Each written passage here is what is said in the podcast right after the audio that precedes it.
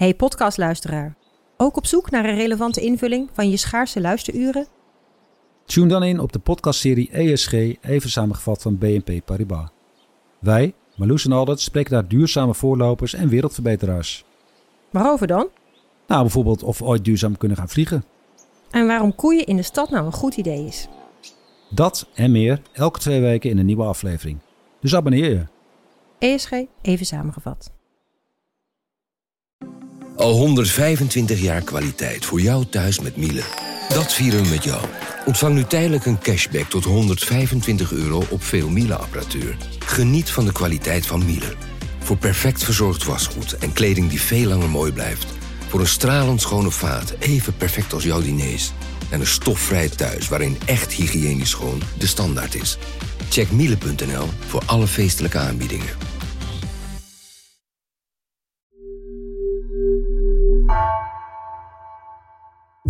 Vanaf de redactie van NRC het verhaal van vandaag. Mijn naam is Egbert Kalsen.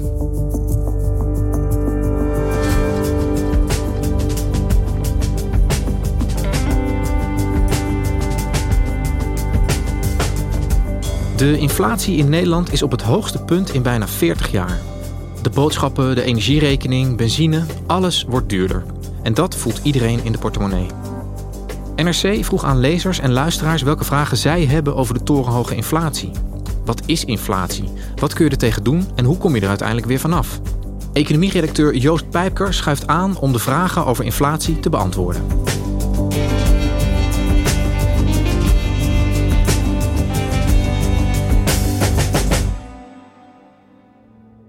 U heeft het vast gemerkt. Het leven is afgelopen maand flink duurder geworden, maar nu is ook bekend hoeveel precies. Al met al is het leven gemiddeld 3,4% duurder dan een jaar geleden. In Europa zijn producten en diensten gemiddeld 4,9% duurder dan een jaar geleden. Nederland komt daarboven met een voorlopige inflatie van 5,6%. De prijzen zijn vorige maand met maar liefst 6,4% gestegen. De prijzen zijn volgens de Europese definitie met gemiddeld 7,6% gestegen. En zo'n hoge inflatie, dat zijn we al even niet meer gewend. We horen al maanden niks anders dan inflatie, inflatie, inflatie. En dat roept heel veel vragen op. En voorafgaand aan deze podcast hebben we ook nog een oproep geplaatst. Omdat we graag wilden weten wat onze luisteraars en onze lezers eh, voor vragen hebben over dit toch wel abstracte onderwerp wat eh, inflatie toch ook is. En die vragen, daar gaan we er een paar eh, van meenemen in de podcast. Uh, Joost, we werken ook allebei nog op de economieredactie. Het is uh, een ingewikkeld onderwerp, inflatie. Maar uh, we hebben ons voorgenomen om het zo concreet mogelijk te maken. Hè, om het zo, zo simpel mogelijk uit te leggen. Zullen we eens gewoon bij het begin beginnen? Laten we dat doen. Ja, wat is inflatie? Dat geld minder waard wordt. Dus dat je van dezelfde hoeveelheid geld minder boodschappen kunt betalen. Dat is een fenomeen dat op dit moment niet alleen in Nederland speelt, maar dat, dat zie je over de hele wereld gebeuren. Ja, en uh, om even een idee te hebben, hoe hoog is de inflatie op dit moment in Nederland? Dan moet je eigenlijk kijken naar vorige maand, want dat is de laatste maand uh, waarvan we de cijfers weten. De inflatie wordt per maand gemeten. Uh, het is nu eind maart. dat betekent dat we eigenlijk alleen nog maar het cijfer over februari hebben. En in die maand kwam de inflatie uit op 6,2% in Nederland. Oké, okay, we gaan gelijk een eerste vraag van een luisteraar doen. Hoi, ik ben Ignaat uit Amsterdam. En ik vroeg me af, wat betekent het eigenlijk als de inflatie 7% is in een bepaalde maand of in een bepaald kwartaal? Betekent dat dan dat het leven in die maand of dat kwartaal 7% duurder is geworden? Of dat het in het hele jaar 7% duurder zou worden als het op diezelfde manier doorzet? Of ja, wat betekent dat cijfer eigenlijk precies? Ja, goede concrete vraag ook gelijk. Hoe moeten we zo'n 6,2% die het dan in februari was, hoe moeten we zo'n cijfer lezen? De inflatie is een maandelijk cijfer. Dat wordt elke maand opnieuw gemeten. Dat wordt ook per jaar uitgerekend, maar het cijfer waar doorgaans het meest naar gerefereerd wordt, is het maandelijkse cijfer. Dat cijfer zetten ze af tegen het prijspeil van een jaar geleden. Dus dan kijken ze hoe duur waren boodschappen gemiddeld vorig jaar, hoe duur zijn ze nu. En dat verschil, dat is het inflatiecijfer. Dus die 6,2% in februari betekent 6,2% meer dan een jaar geleden in februari. Die inflatie is op dit moment dus heel hoog. Wat is de oorzaak van het feit dat die inflatie nu zo hoog is? Ja, er zijn eigenlijk drie oorzaken. Uh, eentje is het lage aanbod, de tweede is de hoge vraag en de derde is de ruime beschikbaarheid van geld. Laat ik met die eerste beginnen. Door de coronapandemie zijn toeleveringsketens over de hele wereld een beetje in de war geschopt. Uh, dat zag je gebeuren toen het virus uitbrak in China. Fabrieken gingen daar dicht, er werd minder geproduceerd. En dat leverde een probleem op, want zo kreeg eigenlijk de hele keten een achterstand. Daarna speelde mee dat, behalve dat de fabrieken dicht waren in China, dat ook de containervaart dicht was. Want heel veel van die producten die wij hier kopen, die komen daar vandaan. Die worden dan met een container naar Europa of de VS vervoerd. De containervaart had ook last van besmettingen. Want uh, als daar iemand besmet raakte, kon het schip soms wekenlang niet afmeren in de kade en zijn producten uh, vervoeren. En daar kwam bij dat ook containers schaars waren, want die stonden vaak op de verkeerde plek. Er waren wel heel veel spullen vanuit China naar het westen gestuurd, maar er werd niet zo heel veel teruggestuurd. Dus de meeste containers stonden op kades in de Verenigde Staten of in Europa. En die werden dus niet leeg teruggestuurd naar China. Dus zelfs als de spullen waren, konden ze soms niet opsturen naar uh, de landen die ze wilden kopen. Dus dat is de aanbodkant. Die werd dadelijk in de war geschopt door corona. Hoe, hoe zat het aan de vraagkant? Ja, ik, je kunt je dat moment vast nog wel herinneren. Het begin van de coronapandemie. Toen kwam iedereen opeens thuis te zitten. En die ging allemaal dingen kopen waarvan ze dachten dat ze die nodig hadden. Dus uh, fitnessmatjes, een, een noise cancelling koptelefoon omdat je moest werken met je kinderen in huis. Of je ging je tuin verbouwen. Dat soort uitgaven ging iedereen opeens doen, waardoor de vraag veel hoger kwam te liggen dan die gewoonlijk was. Ja, dus vraag en aanbod eh, waren niet helemaal met elkaar in evenwicht, zou je kunnen zeggen. Nee. Um, en daar kwam nog bij, wat jij net zei, uh, dat geld lenen heel goedkoop was. Ja, de centrale banken hebben de afgelopen jaren natuurlijk ruimschoots geld beschikbaar gesteld. Het was uh, goedkoop om te lenen. Het was soms bijna gratis zelfs. Dus als je dan dacht, ik wil een nieuwe dakkapel of een nieuwe keuken, dan was het ook heel makkelijk om voor die keuken een lening aan te gaan. En dat nu maar gewoon te doen. Ja, dus dat zorgt eigenlijk voor nog meer vraag, zou je kunnen zeggen, dat goedkope geld. Ja. ja.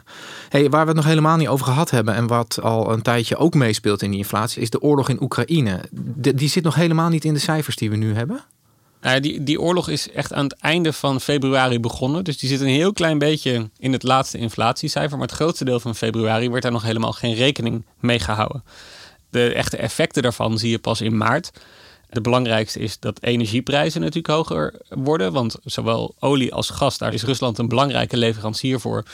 En die markten worden nog verder in de war geschopt dan ze al deden.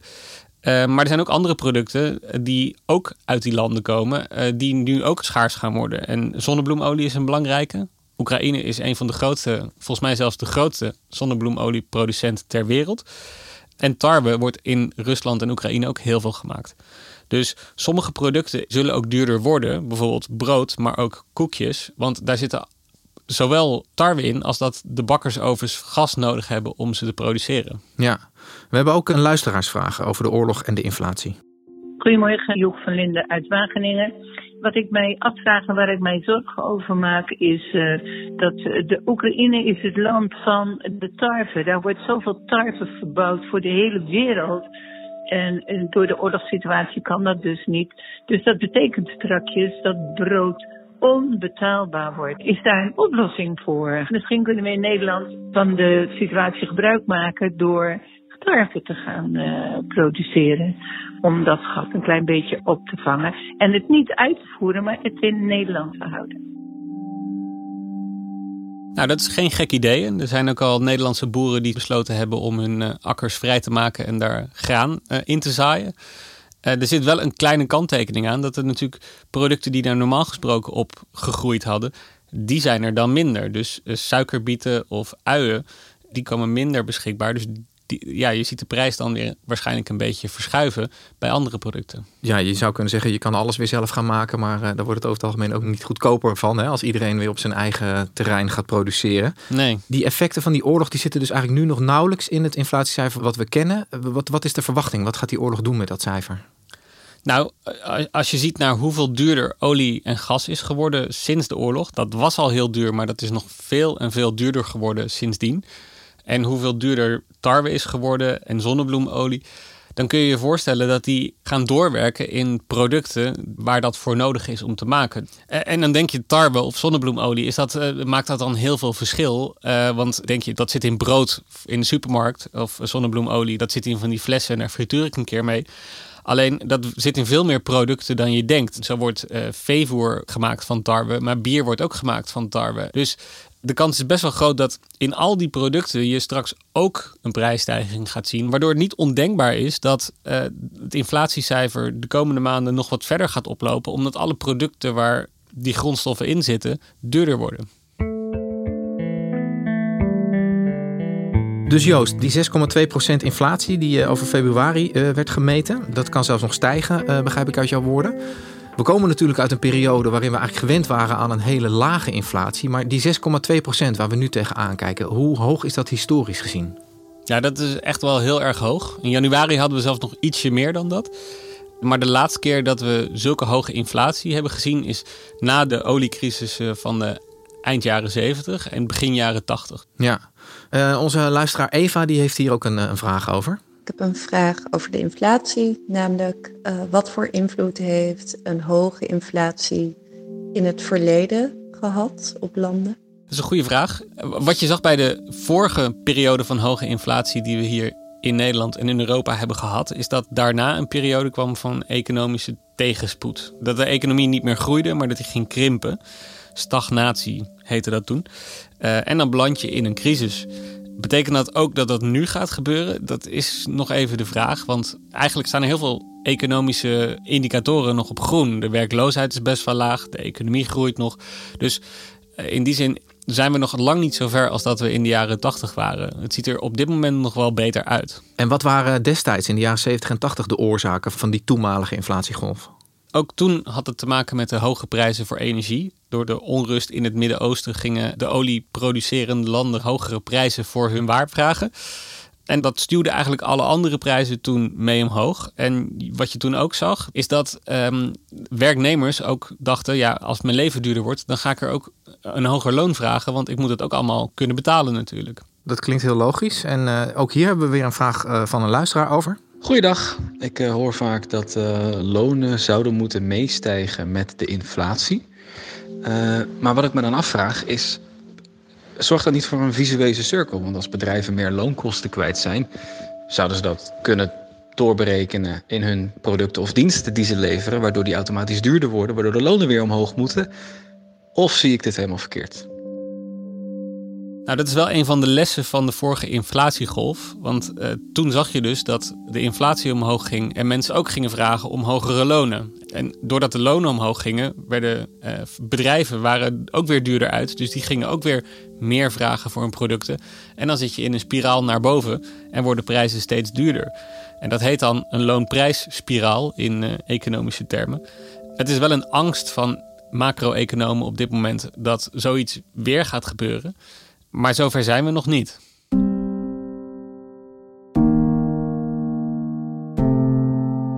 Dus die loonprijsspiraal van de jaren 80 die heeft er aardig ingehakt. Hè. Daardoor duurde de inflatie toen in ieder geval heel lang, weten we met terugwerkende kracht. We gaan weer even naar het nu. Wordt iedereen nu even hard geraakt door de huidige inflatie? Nee, er zit best wel een verschil tussen. En eh, over het algemeen geldt dat de, de mensen met een lager inkomen, dat die er meer last van hebben. Want die hebben natuurlijk maar een beperkt budget om hun boodschappen te doen. En als die boodschappen veel duurder worden, dan kunnen ze gewoon er minder van kopen. En mensen die wat ruimer budget hebben, die zullen misschien wat uitgaven uh, laten zitten. Maar um, die, die kunnen nog wel gewoon hun eten betalen. We kregen ook een mail binnen met een vraag uh, over de gevolgen van inflatie op je spaarrekening. Iemand die heeft uh, spaargeld op een depositorekening uh, vastgezet voor een aantal jaren. En die krijgt daar, nou wat zullen we zeggen, 0,1% rente of zo over als die mazzel heeft. En tegelijkertijd zitten we met die inflatie. Wordt dat geld dan ook minder waard? Ja, inflatie heet anders ook wel geldontwaarding. Eh, dus dat betekent eigenlijk dat je geld minder waard wordt. Die rente komt er wel bij, dus je krijgt elk jaar 0,1% rente.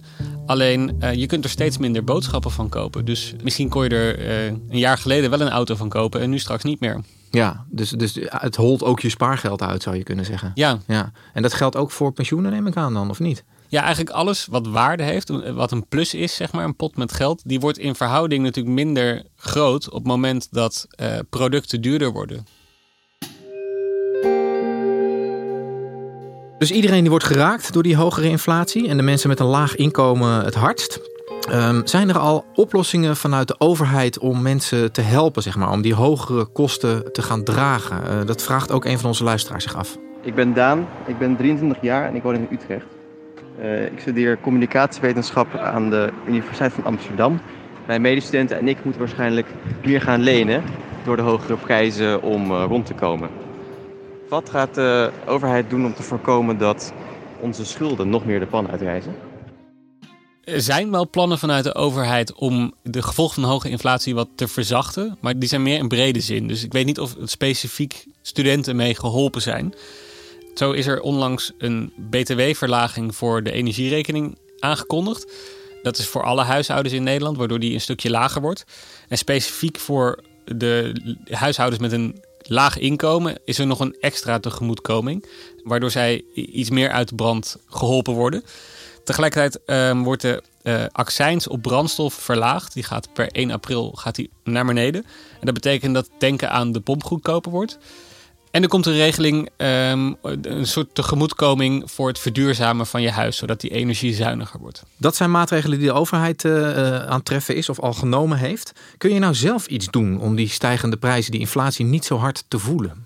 Tegen het stijgen van de prijzen kun je niet zo heel veel doen, maar je kunt wel kijken of je inkomen ook mee kan stijgen, zodat je net zoveel kan blijven kopen als dat je daarvoor deed.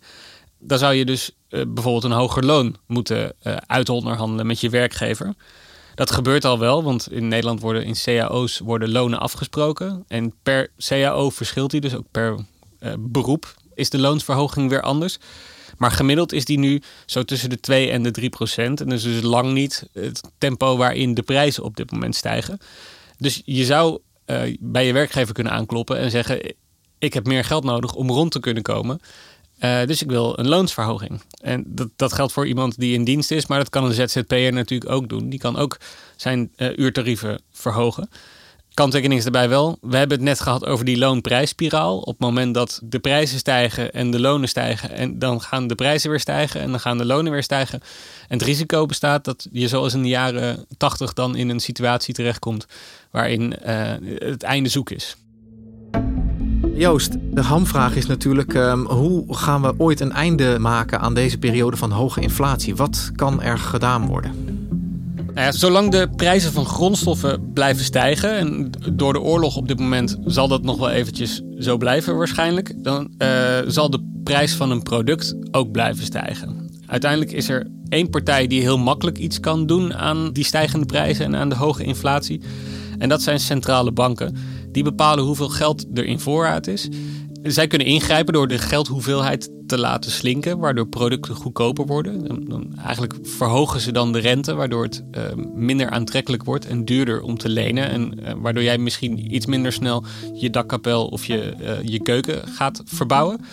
Maar zelfs al doen ze dat, dan betekent dat nog niet dat de producten ook weer zo goedkoop worden als dat ze een jaar geleden waren. Omdat de inflatie is dan misschien uh, gaat dan naar nul of naar één.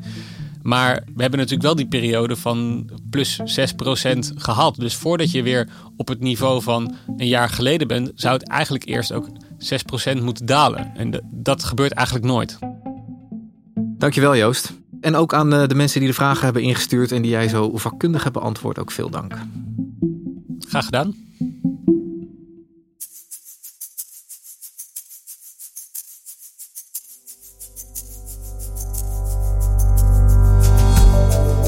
Je luisterde naar vandaag, een podcast van NRC. Eén verhaal, elke dag. Deze aflevering werd gemaakt door Lis Doutsenberg, Anna Korterink en JP Geersing. Dit was vandaag, morgen weer.